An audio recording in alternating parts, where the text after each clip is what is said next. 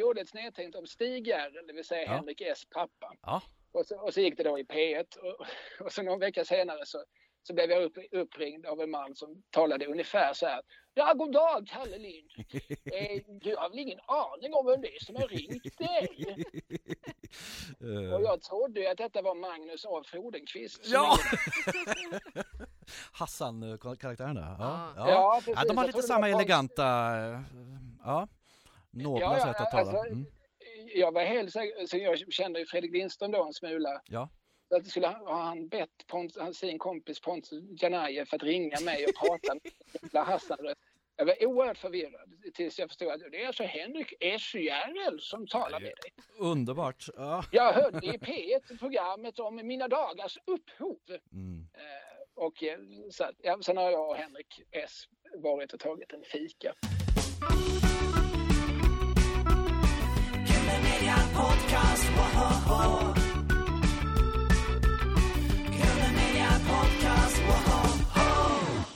God dag ungdomar! Välkomna till Grunden Media Podcast. Med mig Henrik Ahlström. Och med mig Erik Jensen. Idag blir det lite så här Grunden Media Podcast meets uh, snedtänkt får man Ja. säga. Ja. För vi har en eh, ytterst eh, snedtänkt relaterad gäst eh, med på telefon. Vem har vi?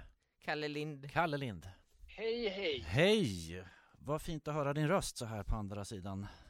Eh, Ja, detta gläder mig att höra. Jag har aldrig varit så förtjust i min röst. Det händer att människor säger att, att det är trevligt att lyssna på dig. Jag blir lika förvånad varje gång. Hur är läget Kalle? Tackar som frågar. Eh, Det är väl tillräckligt bra för Okej. att... eh, Mm. Ja, men jag, jag lägger inte ribban så himla högt. Nej. Alltså, om, om jag inte har för ont i ryggen och, eh, eh, och barnen inte är för jobbiga så är det väl bra. Ja. Då är jag nöjd. Men du sitter i Malmö där då? Ja, här, bor jag sedan Mm. 20 år tillbaka drygt. Vill du presentera dig själv för lyssnarna? Ja, om du ber mig så vänligt så kan jag göra det. Ja. Jag heter Kalle Johan Åkerlind, född den 15 juli 1975. Enligt min mor 70-talets varmaste dag. Mm. Eh, jag växte upp i Lund till att börja med. Där bodde jag tills eh, jag var sju. Eh, då tyck- när jag skulle börja skolan då tyckte min mor då kan vi inte bo i Lund. Mm. Utan då tar vi istället den, den berömda studiestaden Eslöv. Ja, just det. Ja. Så sen bodde jag i Eslöv tills jag tog studenten. Och eh, därefter har jag pluggat lite på universitet och sånt där. Eh, olika sorters eh, Jeopardy och TP-kunskap. 225 poäng eh, på spåret eh, har jag tagit. Så alltså, du har en do- doktorsavhandling klar nästan där. Nej, fi, en fil mag i, Ja, eh, i onödigt vetande. ja med den äran. Vad gick du för linje efter alltså gymnasiet? På gymnasiet så gick jag något som då hette humanistisk linje. Jag vet inte om Ja. den finns kvar Ja. i någon form. Men det var ju som samhälle fast man kunde också välja bort matten. Mm. Eh, För mig handlar det? det, handlar väl, ja, ja, det handlar väldigt mycket om att välja bort saker för mig. Mm.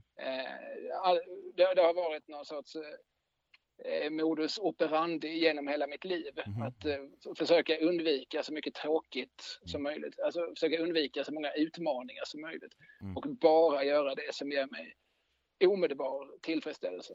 Inom trygghetszonen liksom. Ja, min ja. comfort zone är liten men naggande god. Mm. Och där sitter jag väldigt tryggt. Ja. Men hur känns det i så fall att vara huvudobjekt här nu då, i en, i en annan podd? Nej, eh, nej, nej det är inte ett dugg nervöst. Alltså, man känner väl alltid att eh, okej, nu ska man väl leverera och vara... Ja. Nu, nu får man liksom ställa samma krav på sig själv som man någonstans Mm. gör på sina gäster så att säga. Mm. Eh, eh, men nej, det, det är ju härligt. Det är ju roligt att folk ställer frågor till en och undrar hur man mår. Och, Ja, och där man känner sig sedd och bekräftad. Det är underbart. vi är väl ganska inkluderande i den här podden. Vi, vad sa vi? Sa att vi är eh, dagliga verksamhetens svar på Lasse Holmqvist lite grann sådär. Det blir små här, här i ditt liv liksom. Vi hoppas att du känner det också då. Ja, ja, så fort någon refererar till Lasse Holmqvist så känner jag mig trygg. Ja, När startade du Snedtänkt? Eh, 2014 eh, Ja. på hösten drogs det igång lite försiktigt. Mm. Eh, jag har ju jobbat för Sveriges Radio på olika sätt och till och från och hit och dit sedan 2002 och i den här perioden så jobbar jag först och främst, ett av, alltså jag, är frilansare så att jag ju kan jag ha andra bollar i luften samtidigt. Men då jag, hade jag en, ett uppdrag som morgonpratare på P4 Malmöhus, Mhm. det vill säga lokalradion. Mm. Och så jag sprang rätt mycket i huset. Så när man gör det så har man då lite möjligheter att eh, tjuvlyssna på olika samtal, chefer sinsemellan och sådär. Liksom snappa upp vad, vad är det som efterfrågas just nu för tillfället. Mm. Och då förstod jag att någonstans i det stora verket, den stora apparaten Sveriges Radio, så satt en nybildad poddredaktion Mm. och eh, skulle liksom testa att då göra podd innanför Sveriges Radios hank och stör. Mm. Och eh, så fick jag då också förstå att han, han som utgjorde poddredaktionen, eh, det var, en, det var ju en människa jag såklart haft med att göra tidigare. Så att Ja. jag mejlade och frågade, skulle inte jag kunna få göra en podd? Jo, sa han, det kan du väl få. Tio Vem? avsnitt. Vem var nu detta får vi säga? Det- Ja, han heter Ulf Reneland. Ja, okej. Gamla, gamla rallylyssnare känner honom kanske som Gunde. Mm. Men han har sedan dess, eh, alltså han, han är ju liksom en, han är ju chef inne på Sveriges Radio, alltså, mm. så, så, alltså projektledare och Mm. gör en massa olika saker. Men, men vi hade haft med varandra att göra Mm. under, när jag jobbade på P3 då, tio år tidigare. Mm. Eh, och eh, så fick jag eh, en liten summa pengar så att jag kunde göra tio poddar. Och Mm. eh, när jag gjorde tio, så gjorde jag tio till gratis av bara farten för att ja, men nu, det, här känns, det här känns som någonting jag vill fortsätta med. Och sen så sa jag åt eh, alla lyssnare att ni kan väl mejla den här killen, ulf.reneland snabel och säga att ni lyssnar och att, eh, att ni vill höra mer. Vilket folk faktiskt gjorde. Jag vet inte om det var det som bidrog. Förhoppningsvis tyckte väl Ulf också att, eh, att det här var, det här var väl en, en podd som fyller sin Mm. plats i, i vår utgivning. Ja, och det är ju en, vad ska jag säga, det är en kulturgärning tycker jag. Det tror jag många skriver under på. Eh, sen, sen Myggans tid. Ja, nej, men jag blev såklart glad när folk associerar till Uno Myggan Eriksson Mm. som var eh, Sveriges första doktor i nöjeshistoria. Det var mer Mm. eller mindre han som skapade ämnet. Han var ju en intressant figur. Han, han jobbar ju i er stad, han jobbar ju på Göteborgs stadsteater. ja. Skrev recensioner för GP där också tror jag. Eh, Ja, ja, det gjorde han ju säkert. Alltså, han Mm. skrev ju massor med tidningar och gjorde en massa radioprogram och eh, faktiskt också lite tv-program. Mm. Eh, Men hans mesta claim to fame är ju att han faktiskt då fick eh, kontakt med bra böcker. Så Mm. att skriva liksom ett, ett nöjeslexikon i 14 band. Mm. Det är väl det han är mest ihågkommen för. Ett storverk alltså. Ja, och det hade jag ju såklart också gärna gjort. Fast eh, det finns ingen direkt efterfrågan på lexika Mm. sen Wikipedia kom. Men är du en sån som går in och ibland så lägger till eller rättar lite med blyerts i ett, hans lexikon sådär? Jag gissar att du har det hemma tänker jag. Ja, ja, lexikonet har jag hemma. Ja. Nej, nej, jag sitter inte med pennan i Ja. hand och läser. Däremot så, så det, det finns rätt mycket sakfel i, i hans lexikon. Mm. Det, alltså, Myggan var ju intresserad av svensk eh, liksom revy och eh, kabaréhistoria. Eh, Och han kunde ju, ingen kunde ju slå honom på fingrarna vad gällde Mm. Ernst Rolf och Karl Gerhard och Karl Evert och Sigge Wulf-kupletter. Mm. Men, men alltså modern kultur, alltså från tiden efter 1960, Mm. den, den hade han ju inte lika bra koll på. Just det, han var den äldre generationen lite kanske som...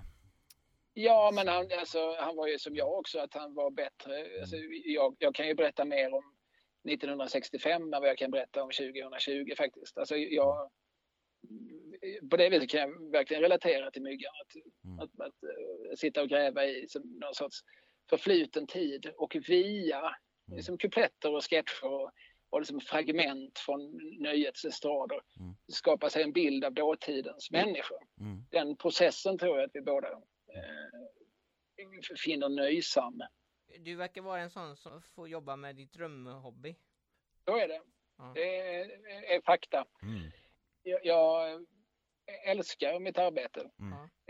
Jag känner mig liksom oerhört privilegierad som får Mm. lov att göra detta. Och det, Mm. och det ska också sägas att det här är ju inget, det jag gör nu och det är ju lite allt möjligt. Jag gör lite radio, jag skriver lite texter i tidningar, Mm. jag skriver lite på böcker och eh, sådär. Mm.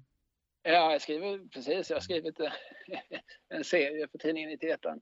med mera, med mera. Mm. Eh,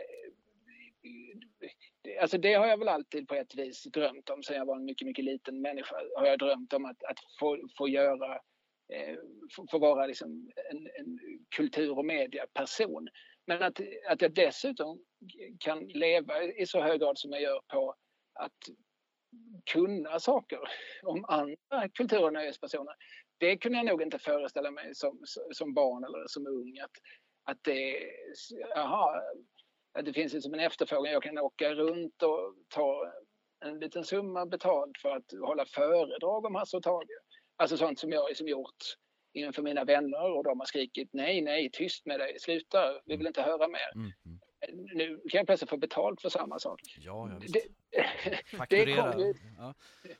ja. det kom ju som en, som en, en glädjechock på något vis. Alltså, det kom ju inte på en, på en dag, men, men mm. Eh, det hade jag liksom aldrig föreställt mig att, att, att, att det var det man skulle kunna försörja sig på. Utan jag trodde att jag kanske främst då skulle skriva liksom, tv-manus och, och sketcher och, och låttexter och sånt. Att, var, att, göra, alltså att göra samma sak som Hasse och Tage. Men jag lever nästan lika mycket på att, att veta vad Hasse och Tage gjorde mm. på 60-talet. Och det är, ju, det är ju en jävla dröm alltså. det är fantastiskt. Men det här börjar alltså eh, långt tillbaks i tiden. Som, som barn satt du där och uh, var genuint intresserad liksom, av de här giganterna. Ja, uh, ja så var det. Ja, ja, men, jag brukar jämföra det med att somliga barn snöar in på dinosaurier mm. eller på Star Wars-gubbar. Jag snöar in på Hasse Tage. Det var ju så mitt... Ja. Det är ju dinosaurier, helt klart, tycker jag. Nöjesvärldens, ja. Ja, nej men eh, och eh, sådär, man tidigt börjar av den fragmentariska information som finns tillgänglig. För att det mm. här är alltså tidigt 80-tal, det finns inga biografier, det finns inga mm. Det finns inget Myggens nöjeslexikon ens utan, utan det är ju på baksidan av LP-skivor och de LP-skivorna får jag ju tigga mig till av min mor så att det, det kommer inte varje dag, det kommer inte ens varje månad utan dealen var att jag fick en, en, en Hans och Tage-skiva varje gång jag var sjuk. Mm -hmm. Så jag fick mm. till att vara sjuk väldigt ofta. Eh, mm. men, men eh, och så successivt så, och, och, nej, jag minns att jag satt och läste min, min mormor hade När, var, hur som var... Oh, jävligt... Den är fin. Ja. ja den har... Ja, det var ett väldigt konstigt verk. Det ges inte ut längre. Alltså, men står det 1972 på mm. När, var, hur? Mm. Jag tror det börjar någon gång på 40-talet så kommer det en varje år. Jajamän. Men, mm. men plockar man ner 1972 års volym mm. så får man inte läsa om 1972. För den boken är, utgiven, den är utgiven i januari 1972. Mm. Så den handlar om hösten 70, våren 71. Just det. Eh, det, det, lite... ja, det blev liksom fel från början. Efter, ja. Men då slet jag ner från mormors bokhylla och så, mm.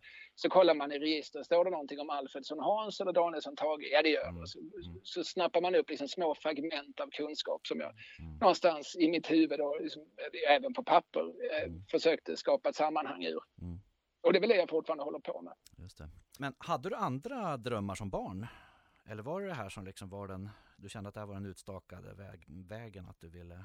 Nej, jag har aldrig drömt om någon annan mm. arena så att säga mm. än eh, kultur och nöjesarena. Sen, sen fick jag liksom successivt genom livet inse att eh, jag var ju mindre lämpad för vissa delar än andra. Mm. När jag var 13 så lärde jag känna en kille som gick på samma högstadium som jag som hette Johan Magnus Glans.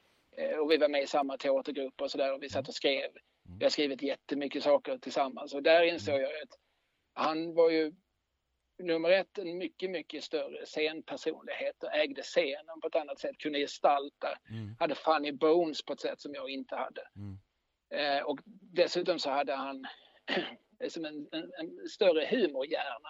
Han kom på roligare skämt och mm. såg saker mm. framför sig på ett helt annat sätt än jag gjorde. Mm. Vad jag kunde eh, och vad jag var bättre på, det var liksom på någonstans att redigera ihop materialet i slutändan. Att, mm. att sammanställa och, och, och, paketera. Jag tyckte det var kul liksom att sitta vid, vid datorn och knacka text och mm. eh, av allt det som, som Glans suttit och, och hasplat ur sig försöka göra eh, liksom, den här sketchen perfekt. Mm. Så där någonstans som tonåring så, så förstod jag ju att det inte är estradör jag ska bli. Mm. Utan det här får jag lösa på något annat sätt.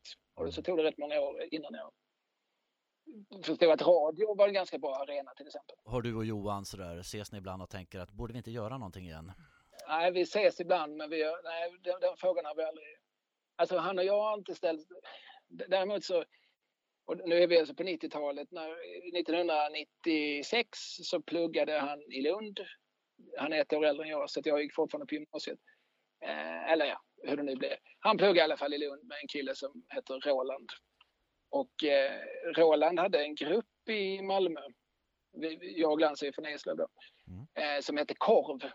Och eh, i det här Korv ingick också en kille som heter Ola Norén och en kille som heter Valle Westesson. Ja. Och, och det var så småningom Ola, Valle och jag som blev något som heter Hej Domstol-gäng. Ja, mm. Vi gjorde P3-programmet Hej Domstol. Mm. Så det var liksom via den här gruppen då, i, i den här gruppen som eh, det händer att vi ibland pratar om att som grupp göra någonting igen. Mm. Det kommer aldrig att hända, men eh, det är roligt att prata om det. Den frågan kommer i slutet egentligen, men nu har vi fått svar där. Ja. Uh, man vill ju se en reunion där, eller höra kanske. Ni var ju framförallt ett radiogäng. Ni gjorde inget i tv så va? Utan det var mer... Alltså Korv var inget radiogäng. Korv var ett, ett scengäng.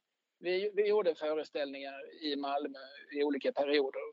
Flitigast var vi åren 2000, 2001, 2002. Men ungefär då så, som hamnade liksom halva korv på radion. medan den, den, andra halvan, de andra tre, flyttade till Stockholm. Mm. Eller, eller, så bodde de där redan. Men lite ungefär historien i sammanfattning. Mm. Och sen dess har liksom inte korv gjort så mycket. Jag tror att vi som, jag tror att namnet korv eh,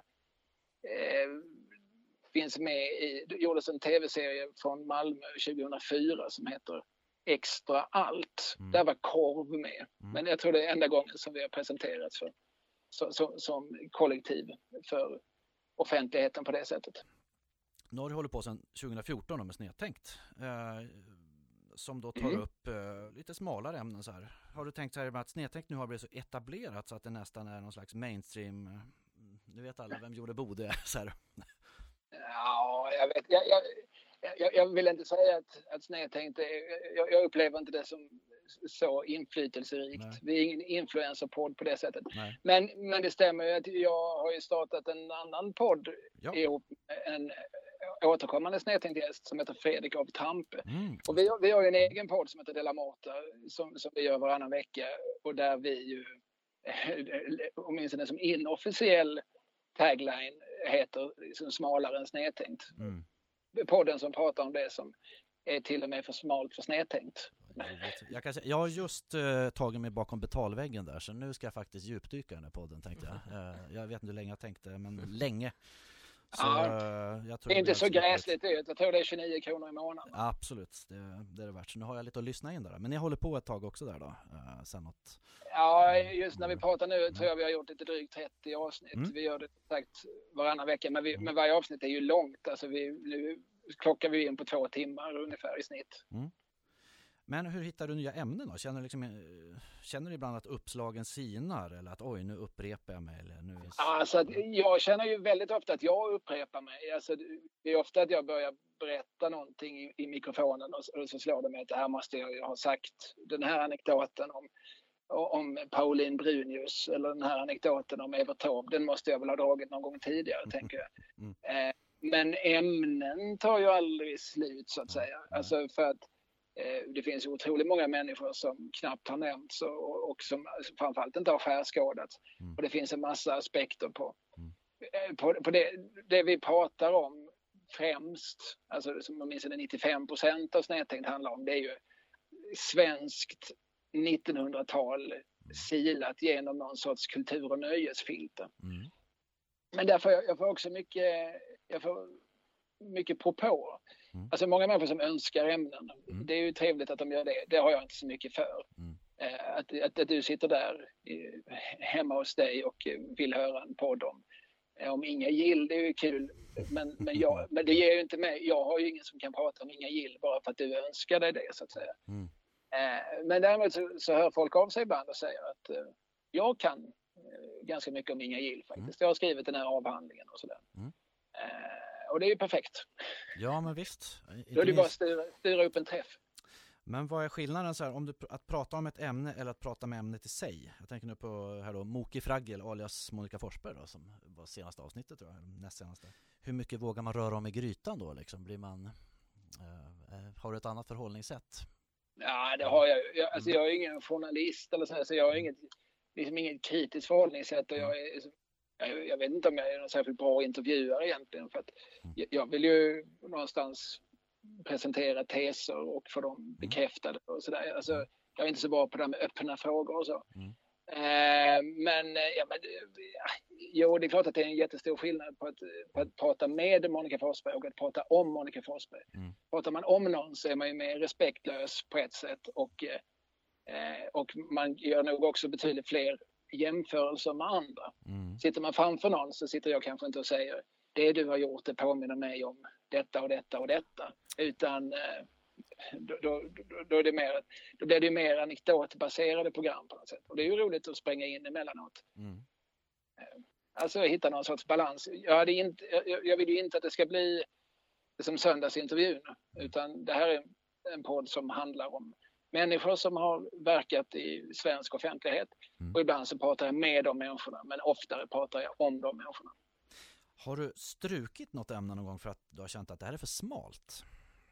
Nej, förlåt, men det kan väl ha hänt att man kanske har liksom jobbat om ett ämne. Alltså, Ja. eh, Okej, okay, någon föreslår, ska vi prata om det här? Oj, ja, det låter roligt, men det låter också väldigt begränsat. Kan vi vidga ämnet lite istället för att handla om jag vet inte om svensk operett år 1951. Kan det handla om all svensk operett? Mm. Eh, har- du varit nervös för någon, eh, någon gång när du ska intervjua någon? Alltid, Ja. varje Ja. gång. Alltså i synnerhet om det är människor som, som jag har i min skiv eller bokhylla. Mm. Och nu ska jag, ska jag liksom få träffa Geija Sundström eller, Mm. Mm.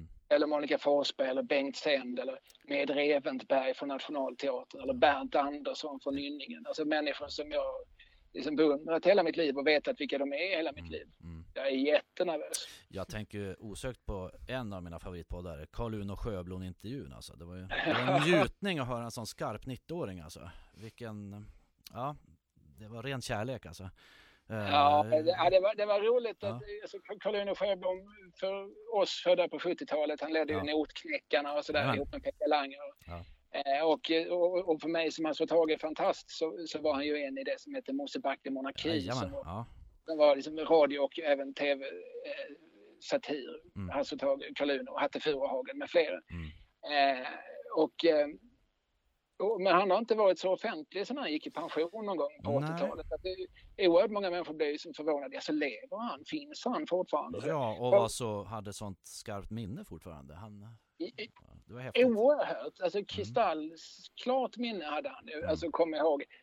Och det var också, man testade det lite grann. Mm. Alltså när man pratar med en äldre farbror. För att, Mm. för att ibland kommer de ihåg bara precis det som de brukar berätta. Mm. Jag kan ta ett exempel där, jag tror inte jag hänger ut honom så himla mycket. Åke Cato har jag också, haft som gäst. Ja, okej. Jag gjorde den sista intervjun med honom. Han, alltså, han, Mm. han dog därefter. Mm.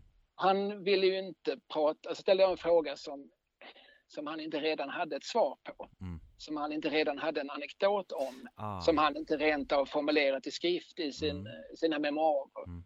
Då, då, då tittar han bara surt på mig och skakar på huvudet. Han var väl liksom framförallt kåsör och manusförfattare och eh, han- det skulle vara på något sätt eh, processat och nedskrivet liksom. Och, Ja, men då var Ja. han 80 plus när jag träffade Ja, honom och, ja. och han, han ville inte, han, han var inte intresserad av att dra sig nya saker till minnes. nej, Utan det har han redan någonstans gjort till, till, till anekdoter. Det han redan på något vis liksom fiktionaliserat, litterariserat. ja, Det, det berättar han gärna. ja. Men det gick liksom inte att få honom. Men du Åke, ta med mig här nu. Mm.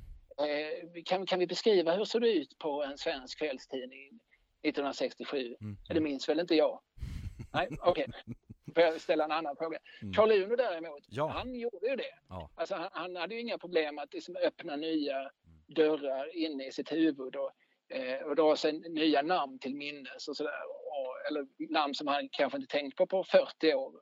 Eh, det hade han liksom inga problem att, att återkalla. Så, så nej, det, det, det, jag satt hela tiden och tänkte, jag hoppas att jag är lika vital som du är vid 80. nej, när jag är 60. ja, ja visst. Så satt jag och tänkte. Nu minns jag inte hela avsnittet så, men frågade honom, honom om eh, Pekka Langers och tio Nordknäckarna där? Eller var det också så Nej, det att- gjorde jag inte. Nej. Det lät jag bli. obekväm? Ja, det var det. Mm. Eh, Det har Pekka skrivit om. Jag har skrivit om det i, en bok som också heter Snedtänkt. Där har jag skrivit ett kapitel om Pekka Langer. Mm. För Pekka Langer var ju lite grann en snackis när jag, när jag var barn. Då. Alltså Mm. det, jag var ju 10 cirka, det var nog 85. Mm. Pekka Langer han var, liksom, hade varit en oerhört flitig som underhållare Mm. och eh, radiopratare fram, främst men även tv-underhållare, programledare och Ja. eh, reseguide och, och eh, som tävlingsledare. Han, han var, Pappa Pekkas kappsäck fanns det något som hette tror jag. Radio... ja på 50-talet Ja, fanns det och sen, mm. Nattuppen. Mm.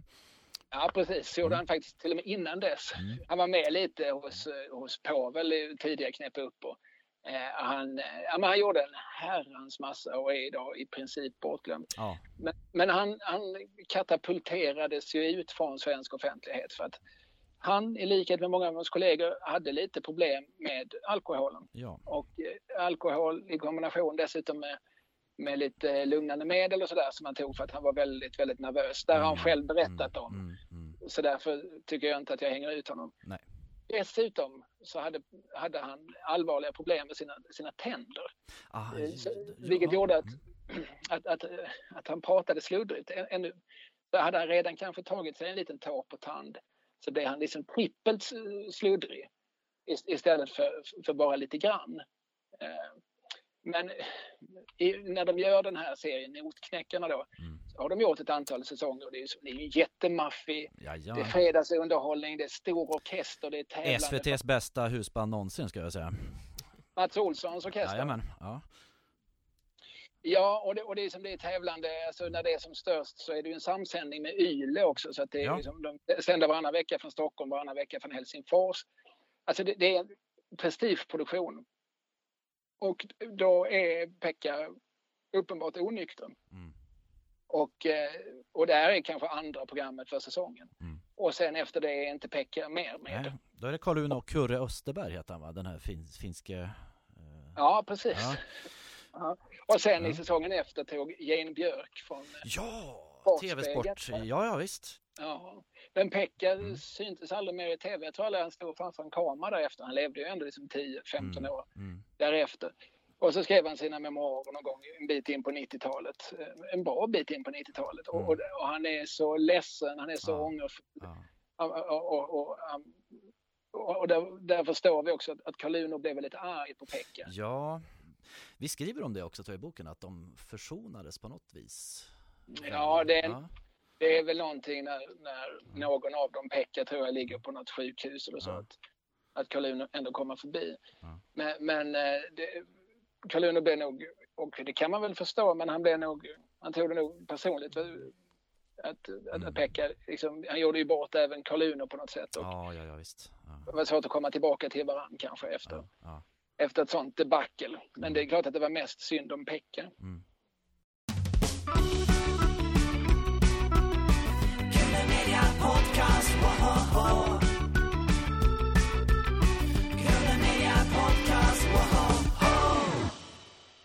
Har du rättat dina gäster någon gång?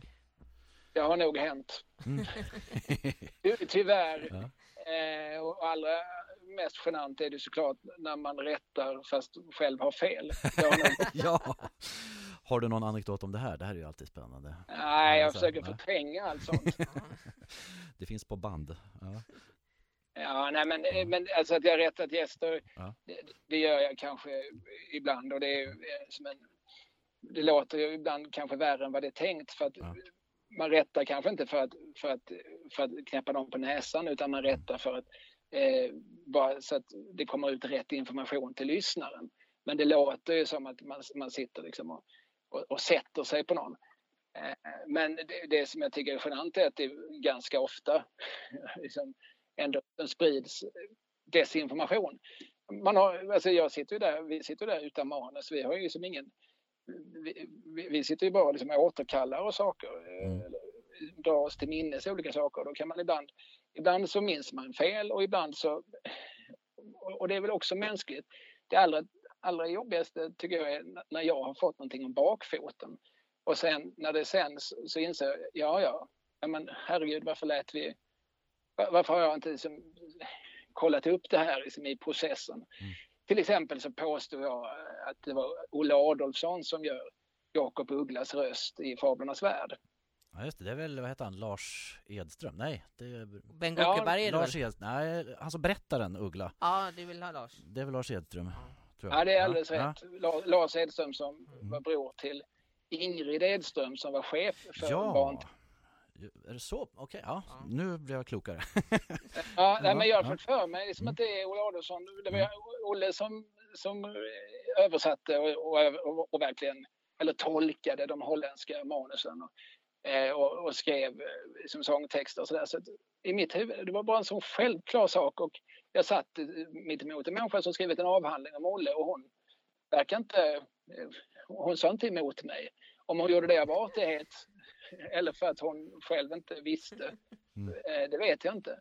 Men, men sen kom, kommer det ju liksom ut och det, jag får ju inte ett mejl utan jag får ju 25 mejl. Ja, just det.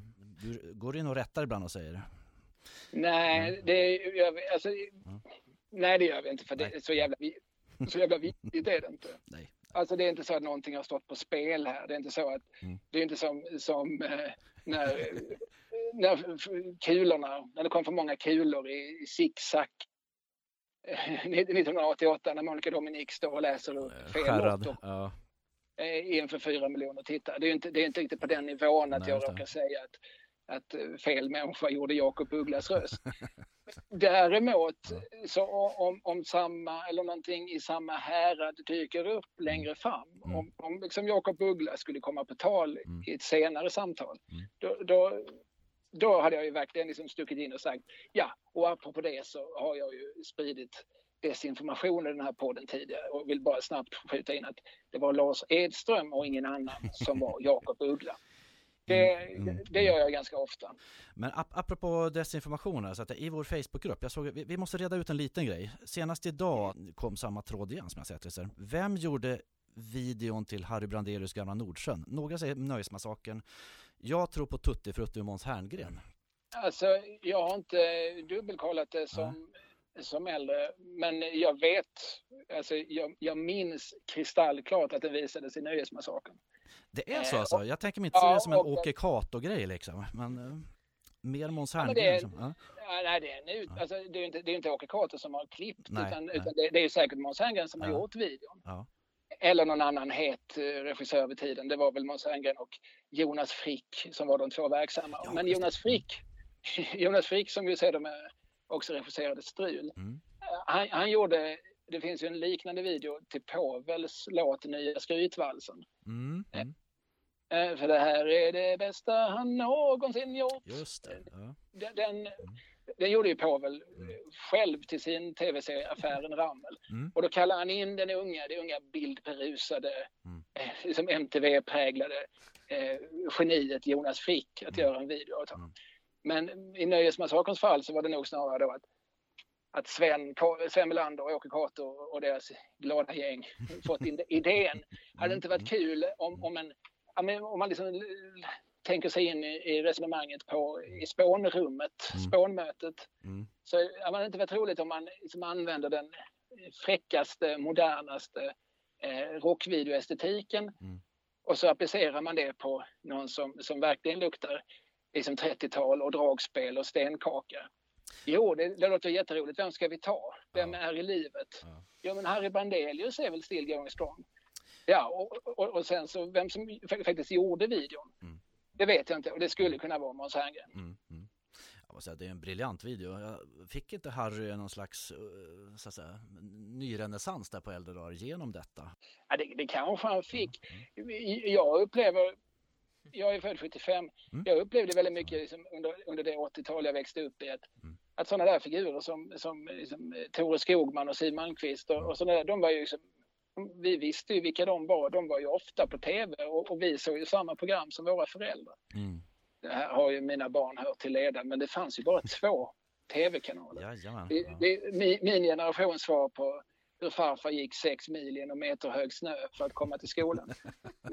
Så, vi, vi 70-talister, ja, vi hade minsann bara två kanaler och det visades Japp. bara hack, hackspett i Godmorgon Sverige. Och ja, bara precis. det. halvt Tom och Jerry i Lilla Sportspegeln. Jag får dubbat av Jakob Hård. Ja, precis. Jag får säga, Godmorgon Sverige hade ju också Anita och Televinken i första halvan där. Sen kom Hack Hackspett. Det var Ja, det som ja. gjorde det värt att gå upp på lördagmorgnarna, tycker jag. Ja. Det var ju två timmar och i varje timme, varje, varje block så fanns det ju ett, ett par grejer för barnen. En period det Barntävlingen. Hjulet. Ja, precis. Mm. men sen Anita Televinken ersattes ju sen dels med Harry och Larry, Ja. med Thomas Brömsen och Lars-Erik Bossman. ja, precis. Mm. Och dels faktiskt med Humle och Dumle som ju då var, var ett av de Jaså, första vänta. barnprogrammen som överhuvudtaget gjordes i svensk tv. Gjorde de ju en, liksom en eh, reboot på, kan man säga. Där Fredrik Belfrage då agerade eh, Kapten Bäckdal. Ja, Ja, det enda- det var på den- Belfrages tid, så det måste vara efter 85-86 där kanske. Ja, det jag minns tydligast Ja. var, liksom, det var, det var ett, en catchphrase de hade. Var, varje vecka så sjöng Humle och Dumle en visa Ja. som jag tror ofta handlar om miljöförstöring. Ah, okej. Och, och sen efter det så sa Fredrik Belfrage, ja, det var minsann ord och inga visor. Jo, det var visst en visa. En Göteborgs, Göteborgifierad eh, Humle och Dumle då, kanske? Ja, Så, fast ja, de var nog göteborgare Var från början. Mm. Jag undrar om de inte var det. Mm. Han hette, alltså Kapten Bäckdal hette han i, i serien, han som hade de här båda trollen i sitt skafferi. Ja. Han hette ju i verkligheten Nils Dahlbäck, Mm. så de bytte, alltså Dahlbäck blev Bäckdal. Men som du säger, Godmorgon Sverige hade också barntävlingar, precis. Mm. Och där man, nyckelhålet hade nå- något som hette, man skulle liksom identifiera vad, det var man, vad man Just såg i ett nyckelhål. Och ju, ju fler ledtrådar man behövde, desto sämre pris fick man. Var du, Kalle, också en av de som var upprörda när Lennart Broström tog över Godmorgon Sverige? Eh, han ledde det under något år innan Belfrage kom, eller kanske var efter Belfrage, så kanske det var. Men, och så blev, Lennart Boström, nu, Ja. nu vet jag du pratar om. det, det var en, en herre som hade detta under något år bara och sen vart det, och de gjorde om det så enormt mycket så att det, det tittarsiffrorna sjönk. Jag har inte Wikipedia-sidan framför mig, men jag skulle hävda att så här såg gången ut. Att Ja. från, början, från början är det ju Lennart Hyland. Det är han som startar programmet och det gör han kanske 77. Sen eh, Per har ju han, Ja precis, och sen har ju Hyland ungefär samma problem som Pekka Langer. Så eh, där, därför liksom Per Ragnar som ju inte är programledare utan han är ju en skådespelare. Mm. Han tar över det några år. Mm. En kort period, eller åtminstone ett år eller så här, har ju en kvinna som heter Berit Gullberg. där. Just det, Oves fru. Ja, de träffas ju mm. nämligen i Godmorgon Sverige. Gör de? Är, Är det där de han träffas? är gäst hos henne och där, sen dess har de varit gifta. Det är Jag träffade Ja, dem förra året. De Ja. såg fortfarande ganska nykära ut. De är ju 90 plus. Just det. Var du på hans eh, 90-årskalas där? Det kanske var där du träffade honom? Nej, var men han var faktiskt och såg mig. Ja, ja okej. Nu spinner vi iväg men vi älskar de här stickspåren som du märker. Så just Ja, det- var- shoot. Ja. Jag, jag och eh, Mattias N som också är en återkommande snedtänkt gäst. Vi Mm. gjorde ett, ett live snedtänkt från eh, något som heter Fåfängan i Stockholm. Mm. Och, och det var ju liksom publiken, det var Mm. inte så himla många i publiken. Mm. Men det var bland annat Ove Thörnqvist och hans fru Ah, Ove Nilsson från Ekot. Ja. Ja. det var, det var liksom, pu- Härlig publiken var liksom människor som normalt brukar nämnas i, Mm. i podden i frågan. Eh, men, men, men nu förlåt. För, eh, det är för ingen fara. Ingen fara Kalle. Sen, sen, sen tar ju Belfrage över. Ja, och sen, sen vill jag minnas att Janne Jingryd hade det ett tag. Just det. Eh, Men jag hävdar ju att innan Janne Jingeryd så var det en Lennart Broström. Det kanske har fel, Kalle. Eller- Kalle kan ha fel. Nej, Kalle kan inte Ja, uttala sig. Ja, ja nej, du har säkert rätt. Jag pausade stickspåret Han gjorde inget, inget intryck på mig. Släpp det Nej, Erik. jag släpper det. Vilket avsnitt är du själv mest nöjd med? Alltså jag försöker ju egentligen att inte säga det för att eh, Ja. det känns, känns som att man ställer alla andra plötsligt i Ah. skymundan. Okej. Ja. Men det avsnitt som, som, som haft störst, ska jag säga, känslomässig betydelse för mig, Mm. Det är ett avsnitt som jag gjorde, det heter, det heter Om kupletten. Och eh, där, ja. där gästades jag då av Henrik Dorsin. Ni är ju själsfränder på något sätt, tycker jag. Ja, nej, liksom- men, och, och då är det lite så med det Mm. programmet. Vi har aldrig träffats innan. Eh, vi har hört talas om varandra ganska länge för vi Ja. har gemensamma bekanta. Jag nämnde Roland Ulfzelius som var med och startade Korv en gång till exempel. Och Glans såklart. Alltså vi känner ju massa människor men vi har aldrig träffats vi två. Eh, han är i Lund för att eh, göra, eh, han, han är ute med Grotesco Ja. revyn. Då är det så här att jag ska, jag har liksom två timmar att plocka honom. Sen måste jag vidare. Ja. Sen, måste, sen ska jag åka till Göteborg. Jag bor ju i, i Malmö då. Eh, och jag lånar liksom en lokal. Jag känner en kille som, som är illustratör och som får jag låna ditt mötesrum och, och spela in en podd. Mm. Ja, det går bra. Så att jag riggar upp och, så, och, och, och Henrik, så vi möts klockan 12 och vi måste vara färdiga klockan två. Så att vi, vi som hälsar på varandra och slår oss ner och trycker på räck. Mm. Och, och sen, sen skildrar ju någonstans den podden, skildrar ju vårt möte, att hur, vi, hur vi lär känna varandra, hur vi blir ja, vänner vet jag inte, men, men hur vi åtminstone någonstans upptäcker att vi är eh, som spegelsjälar. Ja, det känns som de mest välfyllda två timmarna på, i, i radio på. Det är ett väldigt fint avsnitt.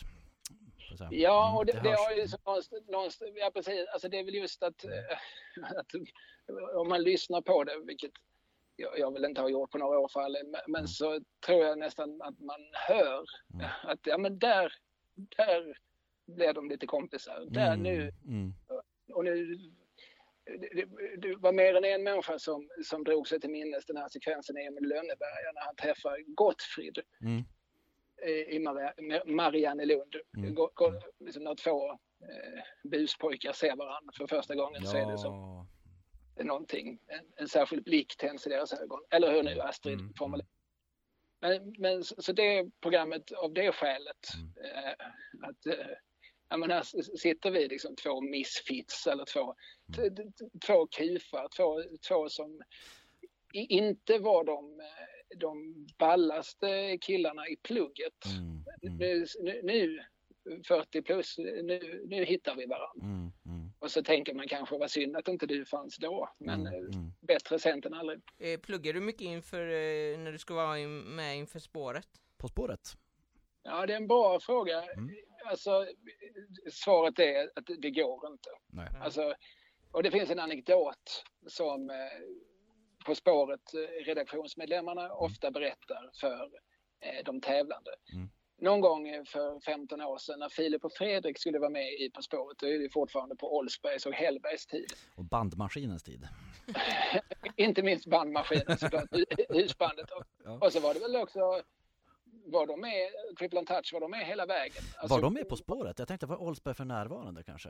Nej, nej, alltså? Ken, Ja. Ken och Göran Ja. var åtminstone i några säsonger var liksom stående husband. Okej. ja. Alltså st- stående hussångare i, i Mm. Oldsbergs På spåret. Mm. De satsade inte lika mycket på gästframträdanden under en Mm. period. Mm. Strunt samma. Filip och Fredrik skulle medverka och de eh, är ju vinnarskallar så att de anställde då en researcher Mm. Mhm. eh, som, som fick i uppdrag, du, du ska se till att vi vinner i På spåret. Du får sätta dig ner och, och liksom analysera några årgångar På spåret och, liksom, och vaska fram vad är det för sorts frågor, vad är det vi bör kunna när vi åker till Göteborg. Ja. Och den, och den researcher återkom sen efter att under några do, dagar då och har suttit och snabbspolat sig igenom gamla På spåret och återkom med det dystra beskedet att alltså, det går inte. Det finns, alltså, På spåret kan ställa frågor om mintchoklad. De Mm. kan också ställa frågor om yttre Andromeda-galaxen. Mm. Alltså, ni måste kunna allt om ni vill vara garanterade en vinst. Det man däremot kan, kan plugga, det som man kan vara säker på att de kommer att ställa frågor om, det är ju städer i Mm. världen. Mm. Så det kan man göra. Det, det vet jag att jag och Isabel hade kamp som då tävlade tillsammans. Alltså första året vi skulle göra det så delade vi upp jordklotet mellan oss och, och eh, pluggade huvudstäder. Jag vet att jag fick Afrika. Mm. Och det var ju, jag kunde ju 10 av 50. Mm. Eh, jättesvåra, de afrikanska huvudstäderna. Mm. Men, men faktum var att, att det gav utdelning sen. För att det, det kom en fråga. Eh, jag tror att staden vi var i var Pretoria. Det är då en av Sydafrikas tre huvudstäder. Och så var ju då frågan, vilka är de andra två? Mm. Kan ni det? Nej. Henrik eh, Johannesburg måste vi kunna. Ja, Johannesburg. Eh, Men sen ska Ja. vi, sen får vi tänka lite. eh, Jag vet inte. Vi ska behöva lite mer betänketid. Ja, det, fin- det, Ja. det, det finns ju en kuggfråga där. Johannesburg är inte Det är inte ens det? huvudstad. Det är den största staden Oh. i Sydafrika. Men de tre huvudstäderna det är Pretoria, Kapstaden och Bloemfontein. Blomfontän? Mm. Okej. Det, är, det är ju holländska Blo- Bloemfontein. Mm. Mm. Eh, och det hade jag då råkat plugga i mig. Mm. Eh, så att det var ju bra. Så, så Ja. på det viset, ja det gick att plugga lite Ja. grann till På spåret. Ja. Men det enda ämne man kan vara säker på kommer upp är ju geografi. Allting annat är ju, och musik för all del. Man kan ju sitta, sätta sig och lyssna igenom Ja. all popmusik som finns. Men det, det tar ju en stund. Det kräver sin research tänker jag. Så. Men det gick ju onekligen bra där då. Nej, vi har kommit till final som bäst. Just det. Ja, men Ja. vi förlorar finalen. Vill du, Eh, va, vill du vara med Det igen? behöver vi inte prata mer om. Nå. Eh, jag är gärna med igen, ja. Ja. Men med anställd researcher. Jag tycker det är jätteroligt att göra På spåret av flera Ja. skäl. Alltså, Ja. det, det är för att, ja. Jag tycker det är kul att, eh, Mm. alltså, alltså så här, På spåret är ett bra frågeprogram att vara med. Folk frågar ibland, är man inte nervös för att Mm. det är, man sitter där och visar hur dum i huvudet man är för hela svenska folket. Mm. Men, men det gör man inte för att med På spåret är det ju så att det är, det är ju en svår frågesport. Mm. Det är ju alla med på. Mm. Att, att, att de ställer ganska avancerade frågor. Så att, Mm. Mm. och, och, och, och är alla tittare med på det, och det där var en svår fråga, då blir man ju imponerad om man kan något. Mm. För länge sedan var jag med i det här programmet som heter Vem vet mest? Med Rickard Olsson. Mm. Där var jag skitdålig. Och Mm. det var dessutom betydligt lättare frågor. Eh, Men det var så mycket samtidsfrågor Mm. och jag var så desorienterad i, i samtida politik. Så, att, så att då gick det på röven verkligen. Det Mm. skämdes jag ju som en hund för. Mm. Men, men, men På spåret upplever jag inte alls att jag... Alltså det är enstaka frågor, det där borde man nog ha kunnat. Eh, och ibland så har det re- retat mig att jag inte dra, dragit tillräckligt fort för att jag faktiskt har haft på ganska god känn redan på, på tionde nivån att det där, det är nog Rom. Men så har jag inte dragit mycket för att Isabella har hindrat mig. Skitsamma, jag, är inte, jag grämer mig inte för det. Eh, jag tänker inte på det varje natt. Mm. Det är ingenting som jag kommer ihåg överhuvudtaget. Det är ett program som förenar också. Jag tänker public service när det är som bäst, det är när det förmedlar kunskap. Det är något som alla kan Ja, samlas men det är ju det andra.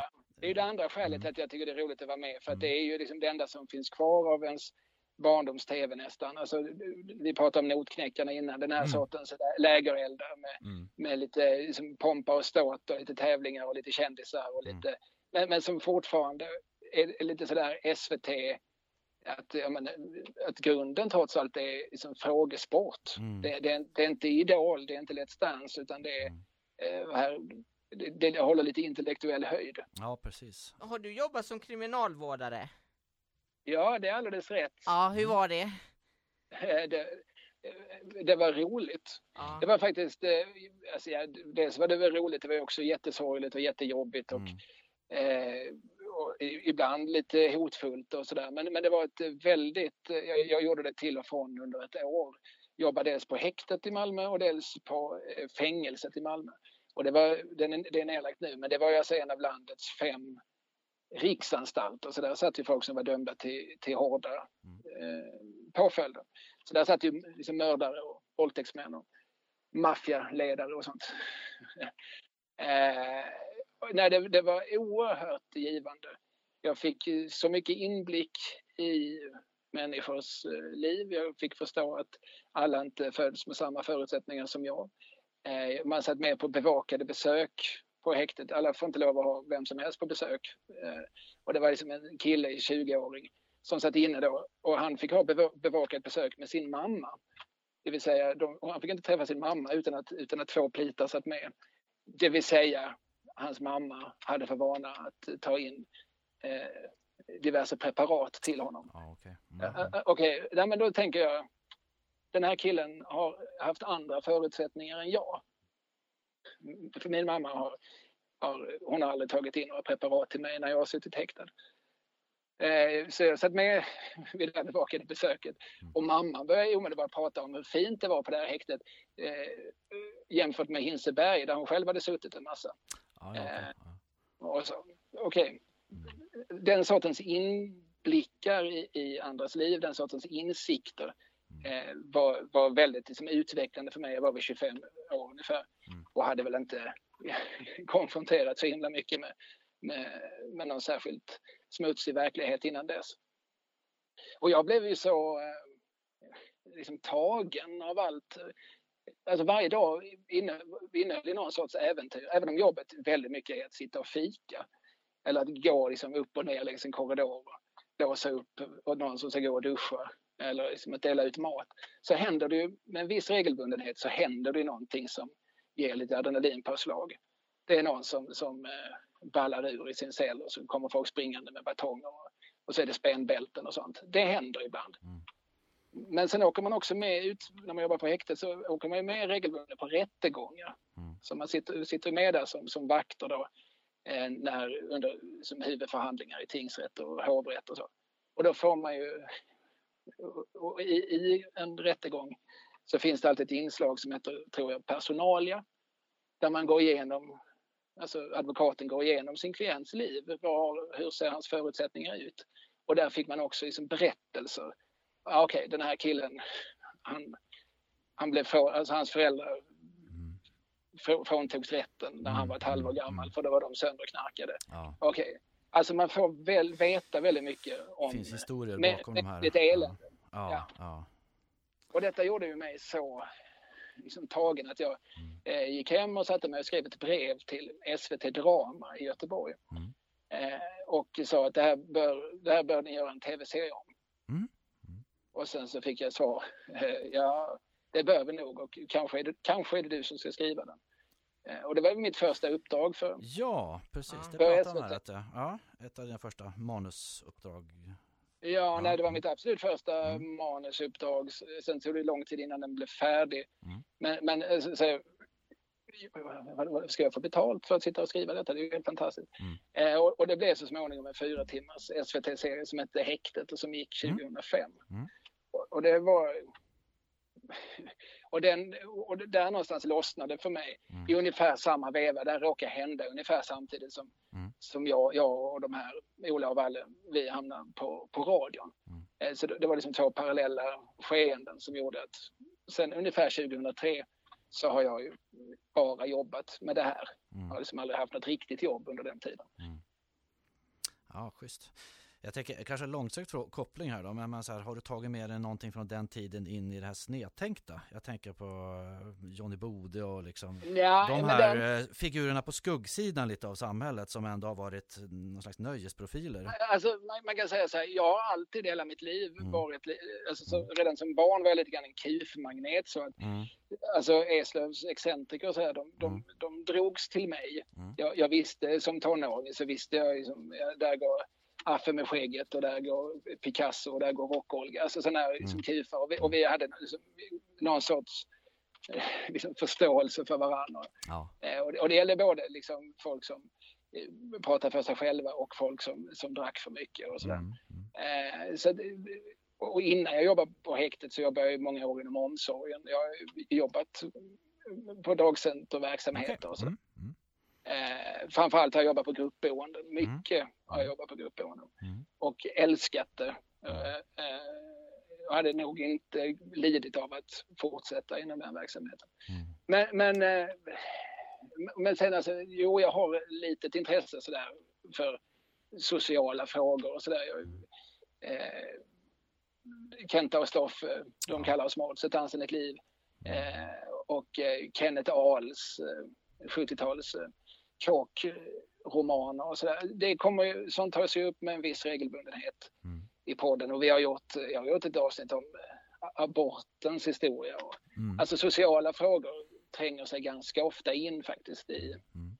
i, i när man liksom försöker teckna en bild av liksom 1900-talet Mm. och, och liksom den verklighet som har lett till att kulturen har sett ut som den gjort och tvärtom. Känns ju som en regissör som Stefan Jahr skulle kunna vara en given gäst sådär, i något sammanhang. Mm. Du, du gör ju en serie också, kan du berätta om den? Vilka menar du? Häktet? te- nej, tecknad serie. Mm. Ja, jättegärna. Det är ju Mm. mitt, eh, ett av mina drömprojekt. Mm. Jo, men, men eh, ja, vilken ände ska man börja? Det här gänget jag pratar om då, Mm. komikkollektivet Korv. Vi gjorde vår första gemensamma produktion 1996 Mm. och då, då kände inte jag de här andra killarna sedan innan. Och jag tyckte väl inte att de var så himla kul, eller de var jätteroliga att hänga med. Men jag tyckte inte de skrev så bra sketcher som Glans gjorde. Mm. Eh, men eh, men ändå skulle vi, vi höll på att göra en föreställning då med massa olika sketcher och sådär, så ändå skulle vi bestämma vad den skulle heta. Och då vann till slut titeln När bruket brann. Det betydde ingenting, vi tyckte bara att det fanns en viss klang i det och så började, började vi prata om, ja men så kan vi klä ut oss till, till gamla arbetare med slokattar och, Mm. och spadar och så. Och så tar vi den bilden nere vid Bastionen i Malmö och så kommer det se ut som en sån liksom, du vet, så här sepiafärgad eh, sekelskiftesbild. Och, och, och, och då märkte jag här att de här, de här vi delar ett historieintresse. Mm. Vi delar en massa liksom, referenser, som någon som säger Ivar Lo-Johansson. Och Jag är ju uppvuxen med Ivar Lo-Johansson, min mor Mm. hade liksom en hylla med bara Ivar Lo. Mm. Eh, och, och, så det var väldigt mycket så vi eh, liksom hittade varandra. Det var ju Mm. någon sorts gemensamt intresse. Vi började, liksom, någon började referera till Pelle Erövraren och Bill August och någon började Ja. referera till Den enfaldige mördaren av Hasse Alfredson. Trälarna. det. Ja. Trälarna av Sven Wernström eller Utvandrarna och Rasken av Vilhelm Moberg och sådär. Mm, mm, Det här liksom förr i tiden. mm. Förr i tiden, tiden. Och eh, med detta i åtanke så, så, så småningom så skrev vi också en, en scenföreställning som, som var en så kallad statarmusikal. Mm. Den hette Korv bland nattmän och löskefolk. Oh, mm. Eh, och den gjorde vi 2002 och det var ju en musikal som handlade om statare som på något vis lite grann parodierade lustspel, så där gamla folklustspelet. Jaha, nu, nu är det kvinnan av börd och mannen av folket som möter varandra, men vi förstorar ju upp det då så att hon var ju liksom alldeles enormt adlig och han var ju alldeles enormt smutsig och sådär. Mm. Och i vadmalskläder. Det var ju mycket, mycket vadmal och, och mycket slokhatt och mycket, alltså allting var ju, det smutsiga var ju oerhört smutsigt Ja, och, det, ja. och det rika var väldigt rikt. Ja. Och på det sättet så uppstod ju humor. Alltså, Mm. eh, och det här var vi, vi var överens om att det här är jävligt bra. Mm. Alltså det här är originellt. Vi har hittat någonting. Vi har ett ämne här som, Mm. som eh, folk inte brukar skoja så mycket om. Eh, så det här kanske vi ska gå vidare med. Mm. Och jag tyckte att eh, ska vi inte göra en långfilm? Ja.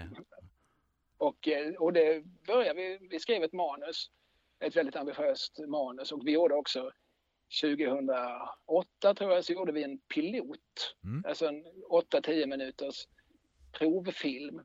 som vi spelade in på Vannås slott utanför Hässleholm och det var ju liksom castet där är ju Sissela Benn, Sanna. Persson Halapi, Jesper Röndahl, Mm. Anders och Måns, Johan Glans såklart Mm. Eh, och folk som, som då eh, var halvkända och som nu är rejält kända. Vilket järngäng alltså. Ja, Ja, Dorsin skulle varit med redan då men han Aha. fick förhinder. okej. Mm. Eh, så Fritte Fritzson fick överta hans roll. Mm. Eh, och det smäller kanske inte riktigt lika högt men nästan. Nej, men, och, det, och det var ju som en pilot som sen valsade runt på SVT och, och sånt där och som Mm. så småningom fick nej. Mm. Och sen så imploderade det projektet.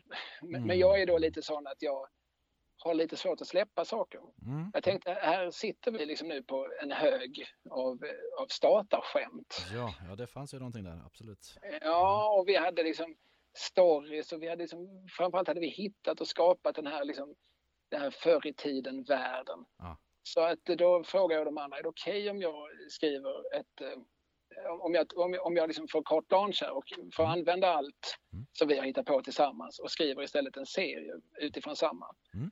Och då sa de andra ja, för de hade ingen nytta av sina gamla statarskämt längre. Mm. Och så kontaktade jag en kille som jag kände sedan gammalt då, som heter Jimmy Wallin som är Ja. väldigt Mm. en mångförslagen tecknare. Han är, Mm. han är bra på det sättet att han kan teckna i många stilar och Mm. eh, har själv en massa referenser med sig och sådär. Så, Mm. och, eh, sen tog det ytterligare några år innan Jimmy fick tummen loss att, att Mm, verkligen mm. rita upp det där. Eh, men, men då så småningom 91 eh, liksom köpte det så då fick ju då också Jimmy lite eld i gumpen så att han Mm. börja teckna det ordentligt. Och nu har vi då eh, ett album är ju då, finns i handen som Ja. heter Ro, Rovor och champagne. Eh, och, och det är liksom den första delen. Och det, och det är ju tio episoder, då- vart och ett av dem har ju gått i 91 men Mm. tillsammans, när man läser dem ihop så ser man att här finns ju en, en berättelse. Så det är verkligen den här berättelsen om nu har, vi, har jag vänt på det då så att det är som flickan från folket och, och Mm. pojken av rang, eller Mm. pojken av börd. Mm. Och nu för tillfället så går då det andra, det som ska bli det andra albumet, Mm. går nu i 91 har det publicerats. Kanske sex eller sju episoder. Ja, Och det, och det blir bara bättre och bättre. Ja, jag tänker så här, du, du liksom har ju också då, då hade du en, en stor buffert av eh, färdigt manus redan. Så det, Ja, men det var ganska processat det där. Och det fanns må, många liksom, både små skämt och eh, liksom upplägg till små, små berättelser och Mm. små situationer och sådär. Mm. Eh, och det är väl det jag faktiskt... Blir, serien blir bättre och bättre ju mer jag frigör mig från det, Mm. från det materialet och, och istället börjar forma karaktärerna. För det här handlar ju då om den, rättrådiga, drömmande statarflickan Lusa-Lisa och hennes eh, Mm. snälle men, men oerhört förtryckte far eh, Dyng-Hans och hennes mor Sm- Smuts-Hanna som, som, som bara pratar i, i, i såna här gamla ordstäv. Ja, just det. Och så finns det liksom som temat i serien hela tiden det är att Lusa-Lisa, hon är den enda i den här statarbyn som drömmer om någonting annat. Hon vill bort härifrån. Hon, hon, vill, hon kanske vill åka till Amerika. Hon kanske vill starta en revolution. Hon kanske vill fly med, med patrons son. Det spelar ingen roll, bara hon får komma härifrån. Mm. Och så runt om henne så finns det då bara människor som säger att så som det är så har det alltid varit och så ska det alltid Ja, vara. just det. Förbi vid din läst. Skomakaren. Ja, Mm. och där är ju både eh, liksom patron och hans hustru och eh, stataren och hans hustru, de är ju överens om detta. De, allting ska vara som det är. Lusa-Lisa är liksom den enda som, Mm. som drömmer om något annat. Mm. Och där i så, så uppstår en sorts eh, förhoppningsvis eh, komisk dynamik. Ja, just det. Hur känns det att ha fått bli insläppt i en klubb med 91an, Kronblom? Vet inte om Åsa-Nisse går där fortfarande i 91 Jo, för fasen. Ja. Ja, Ut ja. Hage kanske? Hage? nej, den har en Nej. egen tidning Ja, just det. Eh, Mm. nu för tiden. Men eh, Flygsoldat 113 Bom Ja, går ju. och eh, dessutom så publicerar de gamla Lilla Fridolf-serien nu för tiden i 91. Ah, Ja, det är, ja, det är, för mig så är ju det här stort. ja, ja. Dels för att jag läste både 91 och Lilla Fridolf redan som barn Ja. och är ganska präglad på, på Nils på Egerbrandt och Gunnar Perssons eh, olika stilar och så här kanske. Ja. ja, ja visst och det var ju liksom egentligen alltså jag var barn på 80-talet, det här var ju serier som, som skapades på 20, 30, 40-talet Ja, och för en vuxenpublik. Ja. Men, men eh, jag läste det som barn och reflekterade inte alls över att det inte kunde vara för mig. Nej, men det är samma här. Det funkar alldeles utmärkt. Eh, Eh, nej men plus att eh, som, ja, sammanhanget, det här är ju som ett stycke svensk kulturhistoria som jag såklart är, Ja. är, är ganska intresserad av. Ja. Så att det är stort. Media Podcast,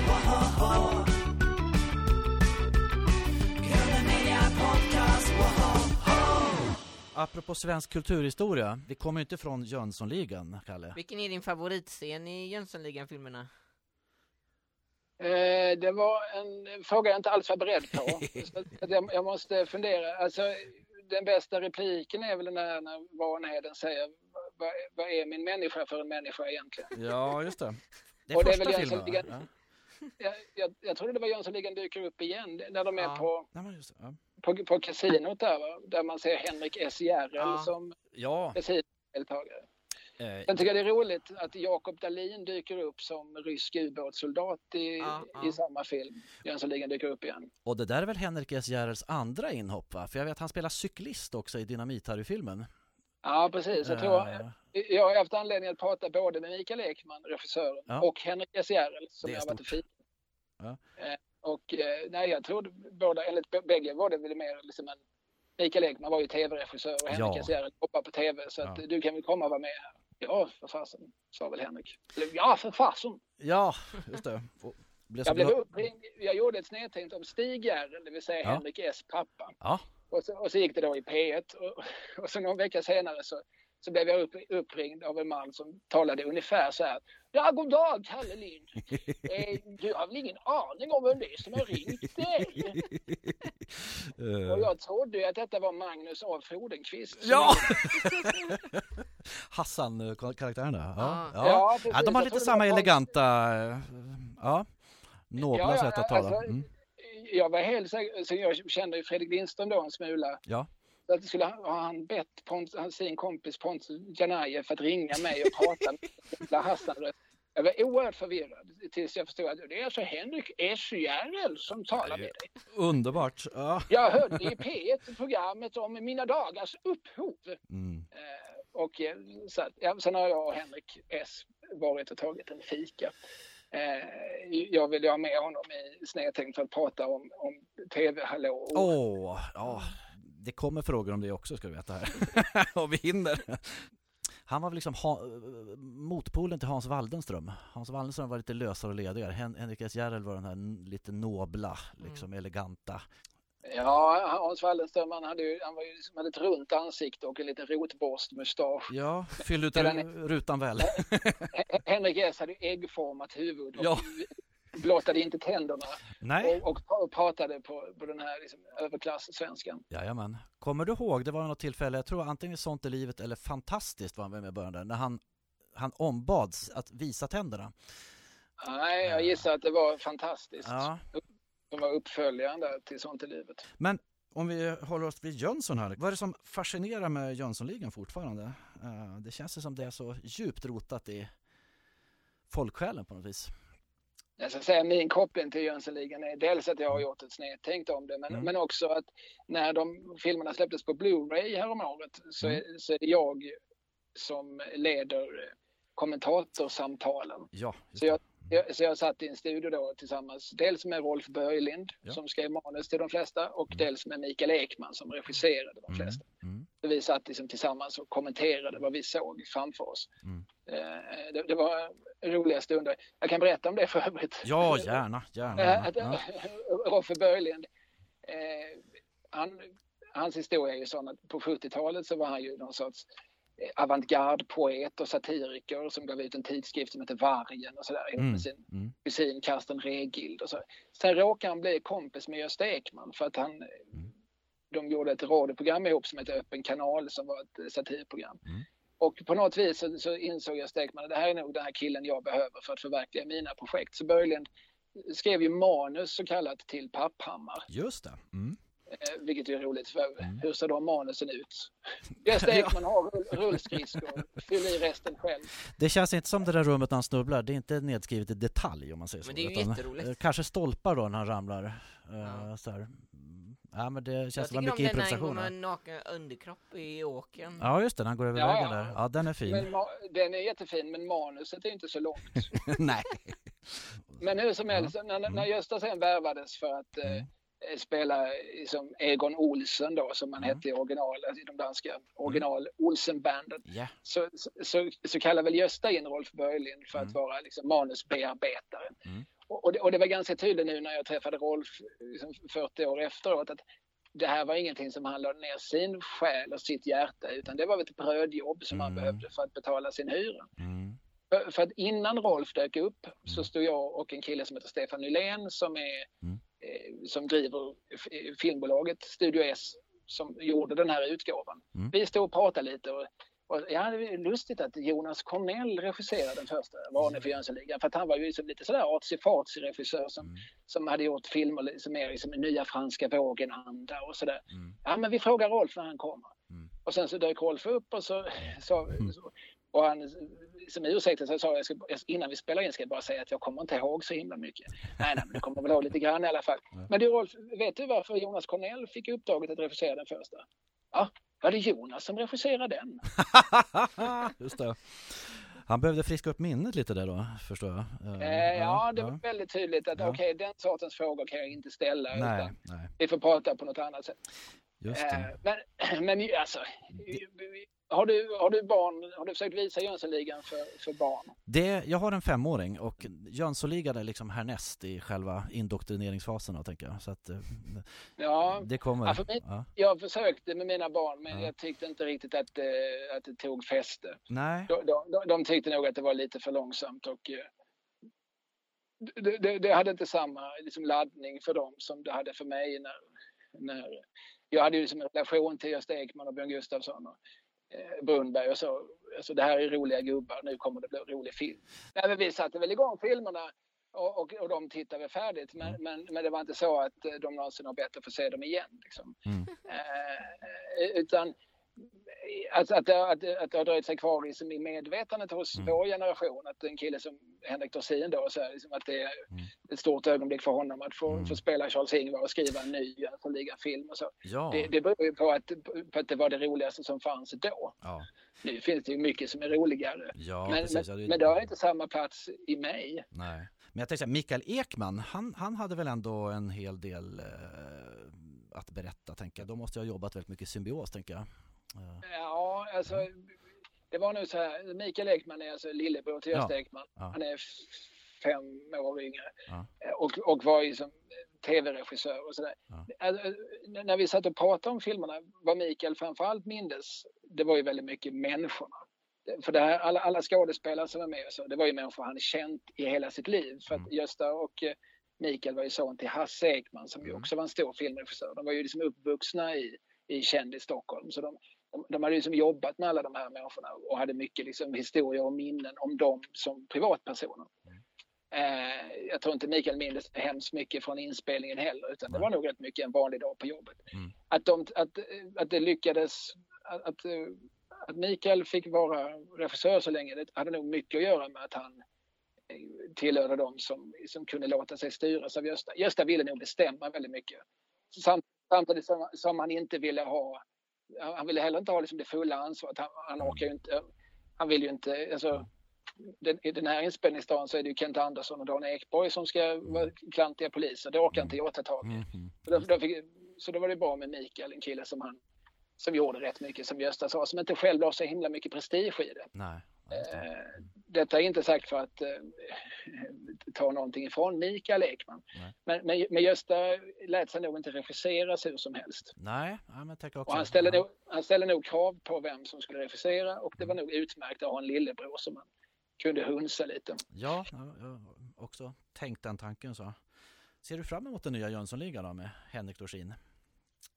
Ja, det gör jag ju. Jag känner trojkan, alltså Mm. Dorsin och, och eh, David Sundin och framförallt är jag ju Ankan? nära vän, vän med Ankan Johansson. Vi är Just um, um, familjemässigt och sådär. Mm. Så att dels är det ju roligt att se vad de har hittat på. Mm. Sen har jag ju också jag har skrivit en biografi om Hasse Alfredson och Mm. när jag skrev den så, så pratade jag en del med hans son Thomas Alfredson Mm. som då har regisserat Jönssonligan. Mm. Så att jag, någon sorts personlig koppling. Mm. Det här gör ju också att jag tycker att jag är lite nervös för att Mm. tänk om den inte är så bra. Mm. Vad ska jag då säga till mina kompisar? Mm. Eh, men eh, nej, jag, nej, jag tycker det är väldigt roligt eh, att, att, att Dorsin tar på sig detta. Med, medan jag gör radioprogram om dem så, så liksom tar Dorsin på sig ansvaret att ta stafettpinnen vidare in i en ny, Mm. i en ny tid. Vi kanske ska prata lite Hasse och Tage här också då, när vi ändå är igång. När uppstod kärleken till Hasse och Tage? Jag tror det var 1979, möjligtvis 1980. Jag var fyra år på det femte. Ja. Min styvfar kom hem med en Lindemann-skiva som heter Lindemann gökar och nio. Ja. Och eh, jag lyssnar på den och eh, sen dess så har min kärlek varit eh, helt orubbad. Mm. Det, det, det slog ner som en blixt i den unge lillgamle Kalle Lind och eh, den blixten, alltså den vibrerar någonstans fortfarande i mig. De alltså jag har hållit dem i handen genom hela livet. Det är tack vare dem som jag jobbar med det jag jobbar med. Alltså hade inte de funnits och berättat för mig när jag var ett barn att man måste inte jobba inom psykiatrin eller man måste inte jobba inom, eh, på Felix eller man måste inte jobba som lärare. Det här är också ett jobb, att sitta och hitta på roligheter. Mm. Eh, Det visste jag som, som barn. Det är det jag ska göra när jag blir stor. Ja. Eh, Och jag, jag har aldrig liksom lyckats tänka bort det. Nej. Och det, var, det är enbart tack vare dem. Eh, och sen har de också varit någon sorts moraliska föredömen. De har varit en sorts konstnärliga föredömen. Alltså, de la en ribba som jag försöker... Jag har hittills aldrig nått den såklart, men det är den jag liksom ändå liksom jobbar mot att komma över. Mm, mm. Så de har haft en extrem betydelse för mig plus att de har lärt mig väldigt mycket om svensk efterkrigshistoria. För att eh, jag har suttit och lyssnat på, på sketcher och monologer och så, så nämner de Mm. Tage Erlander och då måste jag ju kolla upp vem var Tage Erlander och tack vare det så, så vet jag vissa saker som jag inte hade vetat annars. Men det, jag tycker det känns så ändå som du har en sund distans till Hasse och Tage. Eh, Alltså jag skulle säga att alltså om jag får uttala mig själv så skulle jag säga att, att jag har en sund distans till allt. Alltså det finns ingenting som, som är heligt för mig. Jag är Mm. dessutom, även om jag liksom är otidsenlig så, så, var, så blev jag ju ung på 90-talet. Mm. Ett 90-tal som på gott och ont präglades väldigt mycket av ironi och, mm, och distans och, och Mm. eh, eh, någon sorts tvetydighet mm, mm, för mig har det varit bra. Jag tror, jag tror att, att det är vettigt att, att inte liksom vara för eh, hängiven utan att Mm. man någonstans kan se sig själv lite utifrån och sådär. Eh, så att ja, man får väl säga vad man vill om Hasse och Tage. Det är inte så att jag, de, de är inte mina barn, de är inte, jag, jag vaktar inte dem i mitt liv. Eh, sen så tycker jag ju ofta, å andra sidan, att folk har fel när de Mm. uttalar sig om Tage. Mm. Eh, Att de minns fel, att de, att de har en felaktig uppfattning. Men det kan ju även, det är ju nästan oftast folk som, som, som själva är Tage-fans. Alltså jag tänker på min, som en föräldrageneration till mig, alltså 40-talister och sådär som, som säger sånt som Hasse och Tage, vad, som var bra med dem, det var att de aldrig var under bältet. Mm. Och, och, och då skriker jag hysteriskt att var det några som var under bältet så var det väl för helvete Hasse och Tage. I Har du högsta läst grad, ja. och Limerickar? Ja. Det finns, det finns ju ingenting i, i svensk humor idag som är Mm. lika snuskigt som, Mm. som eh, nekrofil, nekrofilen i Påskallavik. Mm. Nej men så var det, men de var väl på ett smart sätt tänker jag under bältet. Ja, Det är jag inte heller säker på att det alltid var så smart och Nej, genomtänkt. nej. Gre- Grejen var, att, grejen var att den där limericken eh, om nekrofilen i Påskallavik Mm. Mm. den, den ingick ju liksom i, i en tre timmars föreställning som heter Svea hund och som också Ja, det. innehöll Mm. massa annat. Mm. Till exempel Tages Var blev ni av? Ljuva drömmar om en rimligare värld. Så, så, som är liksom en väldigt vemodig och, inte alls komisk uppgörelse med socialdemokratins svek. Och jämte den så låg det liksom en, en blomsteropera och jämte den så låg det en larvig sketch där Gösta Ekman eh, ska sälja kulpåsar till Lena Nyman. Mm. Allt det låg liksom i samma föreställning och, och det var väl just det här liksom att du blandar högt och lågt, du blandar larvigt och viktigt.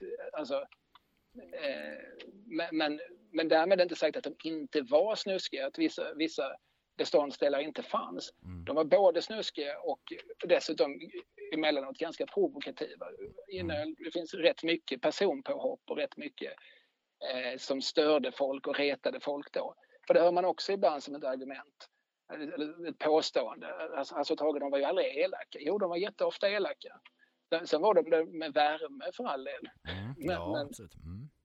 Men det ja, så på det viset så, så, kan de, så kan jag ibland eh, som känna att jag blir liksom lite engagerad känslomässigt när, Ja, ja. när man diskuterar Hasse och Tage för att jag tycker många människor har missuppfattat dem eller har liksom en, en förskönad bild av dem.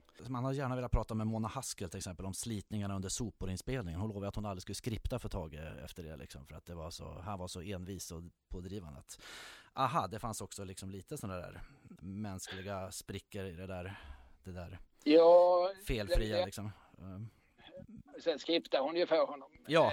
ganska snart Ronja där. därefter. Jajamän, ja. Ja, och redan Fröken Fläck, hon var ju även som motsvarande skripta på deras scenföreställning, Fröken Fläggmans mustasch. Och så. Alltså, hon, hon, var, hon var ju alltjämt deras sekreterare och goda samvete. Men just sopor ville ju Tage, där var ju grejen att han skulle ha den färdig till en viss datum. Det skulle vara färdig och ha premiär på årsdagen efter kärnkraftsomröstningen 1980.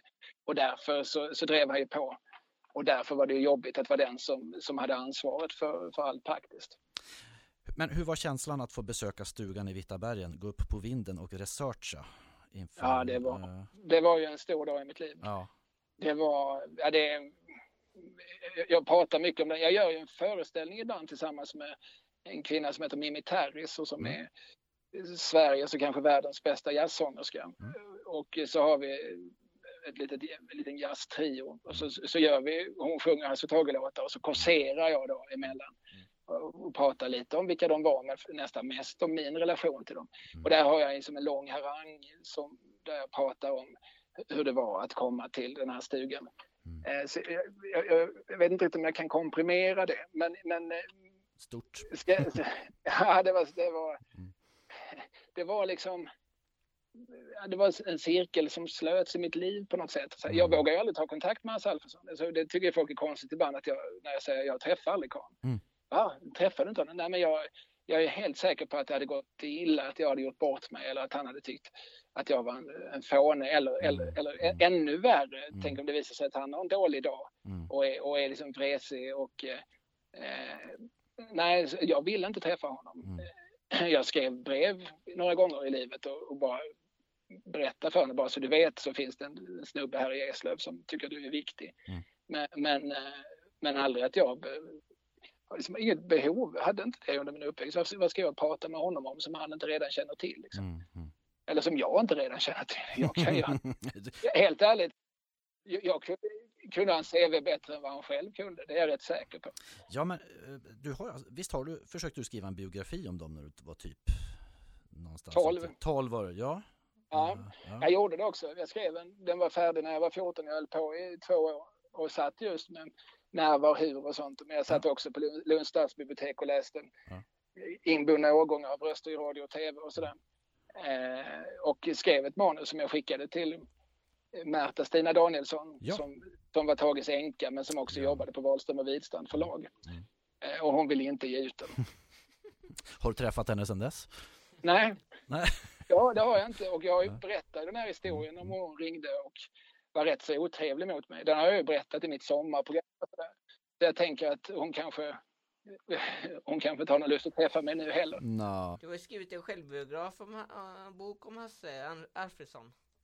Berätta om Jag har skrivit, ja precis, ja, det är ju, den kom 2018 kanske eller 2019, nej den kom ganska Ja. nyss. Det är väl en av mina senaste böcker och den, Mm. den är den är tjock. Mm. Den är 650 sidor. Jag var tvungen att stryka ner den till 650 sidor. Mycket Det var ju Mm. en eh, det var ju en bok som jag någonstans då haft i mig sedan jag var 12. Mm. Så det var ju skönt att äntligen få se den tryckt. Och du hann före Claes Gustafsson också den här gången. Ja, jag träffade Claes Gustafsson förra veckan och frågade om han var, var putt för att jag snodde den. Men han hävdade att han inte hade för avsikt att skriva den ändå för att han, han har ju skrivit om Mm. Tage Danielsson, om Gösta Ekman. Om Ja, ni har skrivit om någon- alla de här stora. Var du nervös Ja. när du skulle skicka in manuset? Då när jag var 14 menar du? Nej, sen Hasse-manuset. eh, Hasse-manuset.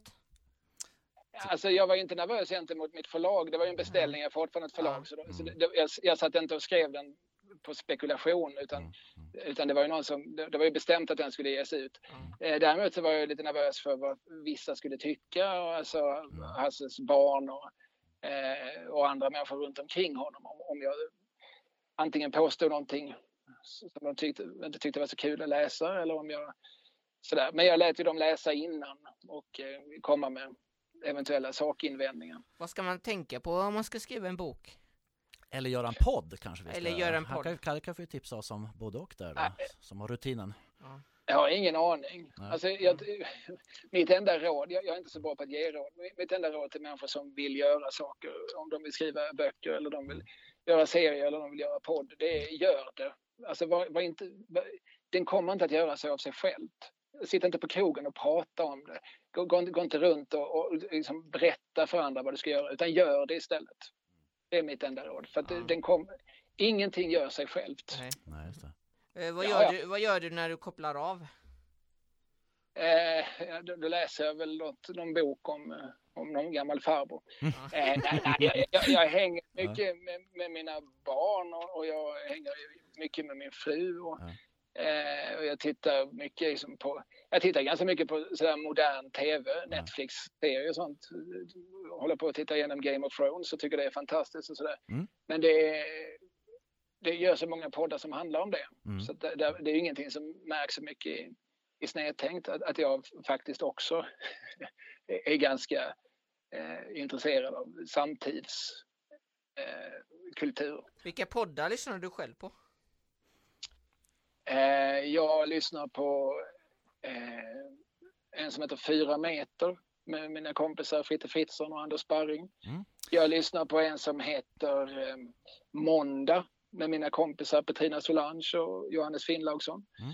Jag lyssnar på en som heter Så funkar det med mina kompisar Anders och Måns. Jag lyssnar på eh, Della-poddarna med mina kompisar Kringland Svensson och Chippen Svensson och Jonathan Unge. Och Ja. jag lyssnar på en som heter Flashback Forever med mina kompisar Ina Lundström och Emma Knyckare. Jag anar röd tråd här i... Ja, man får liksom börja med att Mm. lyssna på Mm. så man har lite koll på vad ens kompisar gör. Mm. Sen så lyssnar jag lite grann på olika historiepoddar som Mm. jag sitter och, och letar upp. Så här. Och där finns ganska många olika. Jag har inte riktigt hittat fram till någon som jag tycker är bättre än någon annan. Mm. Men, men jag, jag, jag är ganska intresserad av, av eh, svensk historia generellt. Eh, Så att, eh, där försöker jag hitta någon, någon som är, har ett tilltal som passar mig. Men jag har inte riktigt hittat fram till något exceptionellt. Vad har du för projekt framöver? Eh, ja, alltså dels rullar allting på. Mm. Alltså, jag, jag gör min podd och jag skriver mina krönikor och jag gör lite radio. och Jag har gjort ett program som heter Fredag i P4 som har gått i tre års tid tillsammans med en, en tok-fia som heter Susanna Damic. Eh, Det görs inte längre för P4 men vi gör det lite då och då som Fredag i P1. Mm. Det kommer vi att göra lite under hösten eh, på landskampen-tiden på fredagskvällar. Eh, när Lans behöver vara ledig. Eh, sen, eh, så allt sånt håller liksom på. Sen så har jag ett bokprojekt som jag inte riktigt kan berätta om och så har jag ett tv-projekt som jag inte heller riktigt kan berätta om. Det är ju som upp, upplagt här för cliffhangers Mm. i bästa Bröderna Dahl-stil nästan. Ja, du har en hel del. Ja, spännande. Ja, men det, Mm. det, man känner sig som larvig när man säger så, men, men, men jag kan inte riktigt berätta om det. För Men då punkterar man något liksom. det, det är en bra sak att säga, man kan alltid säga det. Jag, jag, jag har 25 bokprojekt nu, jag kan tyvärr inte berätta om det. Det låter mig jävligt upptagen. ja, just det. Har dina barn samma intressen som du eller har de valt en helt annan väg sådär? Jag har normala barn. Ja. Är du fotbollsfarsa? Ingen sånt? Ja, nej, det är jag. Jag åker, åker och tittar på fotboll på helgerna för första gången i mitt liv. Då tittar jag fotboll. Mina barn, jag har till och med fått mig att se en riktig fotbollsmatch, alltså Malmö FF mot Sirius. För första gången i mitt liv jag var på en stadion, det var förra året. Eh, nej, men, jo, nej, men mina, jo, det är lite olika. Alltså mina barn, nej, de är inte så intresserade av Hasse och Tage. Det, det ska jag säga. Men de är ju intresserade av humor, de är intresserade av böcker, de är intresserade av tv och de är intresserade av att skoja.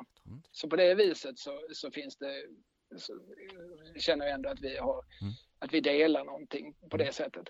Men, eh, men de, de, ingen av dem kommer att bli sin tids Myggan Eriksson. Vad gör du om 30 år, Kalle? Samma som nu. Det hoppas vi verkligen. Ja. Vad hoppas du att folk ska minnas dig? Eh, ja, som en, som en människa som gjorde så gott han kunde. ja. Jag, jag tänker mig att ja, men det, när man går dagdrömmar och sådär ibland så kan, kan jag ju tänka, jag undrar vad mina barn... Alltså, när jag träffar min mor så sitter vi ofta och pratar om min mormor som var en oerhört viktig människa för mig i mitt liv och sådär. Och så då, då kan man liksom sådär, lite- självupptaget och lite makabert gå och tänka, undrar hur mina barn kommer att prata om mig, hur de kommer att berätta om mig för sina barn. Mm. Och då kommer de nog att säga, ja ja, han gjorde väl så gott han kunde. ja, med den äran ska jag säga. Ja.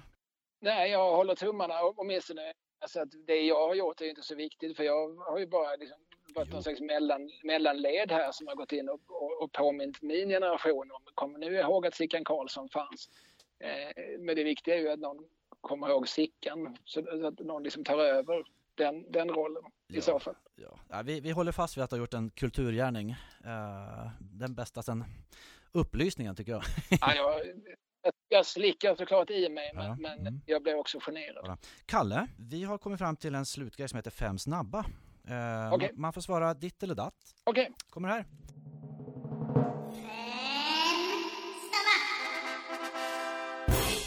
Kjell Svanberg eller Bengan Wittström? Bengan Wittström. Det är så? Ja. Ja. Jo, men det var väl så att Kjell skrev de där tokiga manusen och de är ju roliga och infallsrika och så. Men Bengan var ju den som, som eh, hade klippkort på grammofonarkivet och som hittade alla de tokiga ja sångerna. vilka skivor han valde alltså. Ja. Ja, precis. Jag, jag tror att jag egentligen haft, haft ännu mer att säga till honom. Sånt är livet eller fantastiskt? Eh, sånt är livet. Mm. Satir eller buskis? Bägge. Ja. Rassel eller zigzag? Rassel. Zigzag var ju inte bra. Alltså, Nej, blek kopia. där. Ja, precis. Ja, men, eh, Zigzag, alltså en väldigt stor del av det programmet byggde på att man skulle se olika lottokulor rulla fram i ett rör. Mm. Det tyckte jag redan då var rätt så eh, halvbra underhållning. Ja, frågar man Monica Dominic så tycker hon nog samma sak tror jag. Hon hoppar väl av efter ett program där tror jag. Så. Eh, Ja, det var jobbig, jobbig tid för Dominik. mm. Direktsändning eller bandat? Eh, det är en bra fråga. Båda sakerna har sin charm. Ett sånt, det här programmet jag nämnde, Fredag i P4, det blev nog bäst när vi gjorde det live, alltså direktsänt.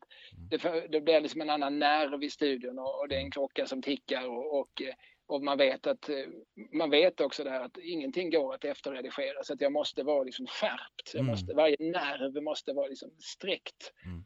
Eh, men eh, snedtänkt som ju alltid bandas, det är ju väldigt skönt att, att veta att ja, men nu kommer vi ut på något stickspår och pratar om saker vi inte känner till. Ja, ja, det kan vi klippa bort sen. Mm. Så att eh, jag, jag måste nu säga bägge igen.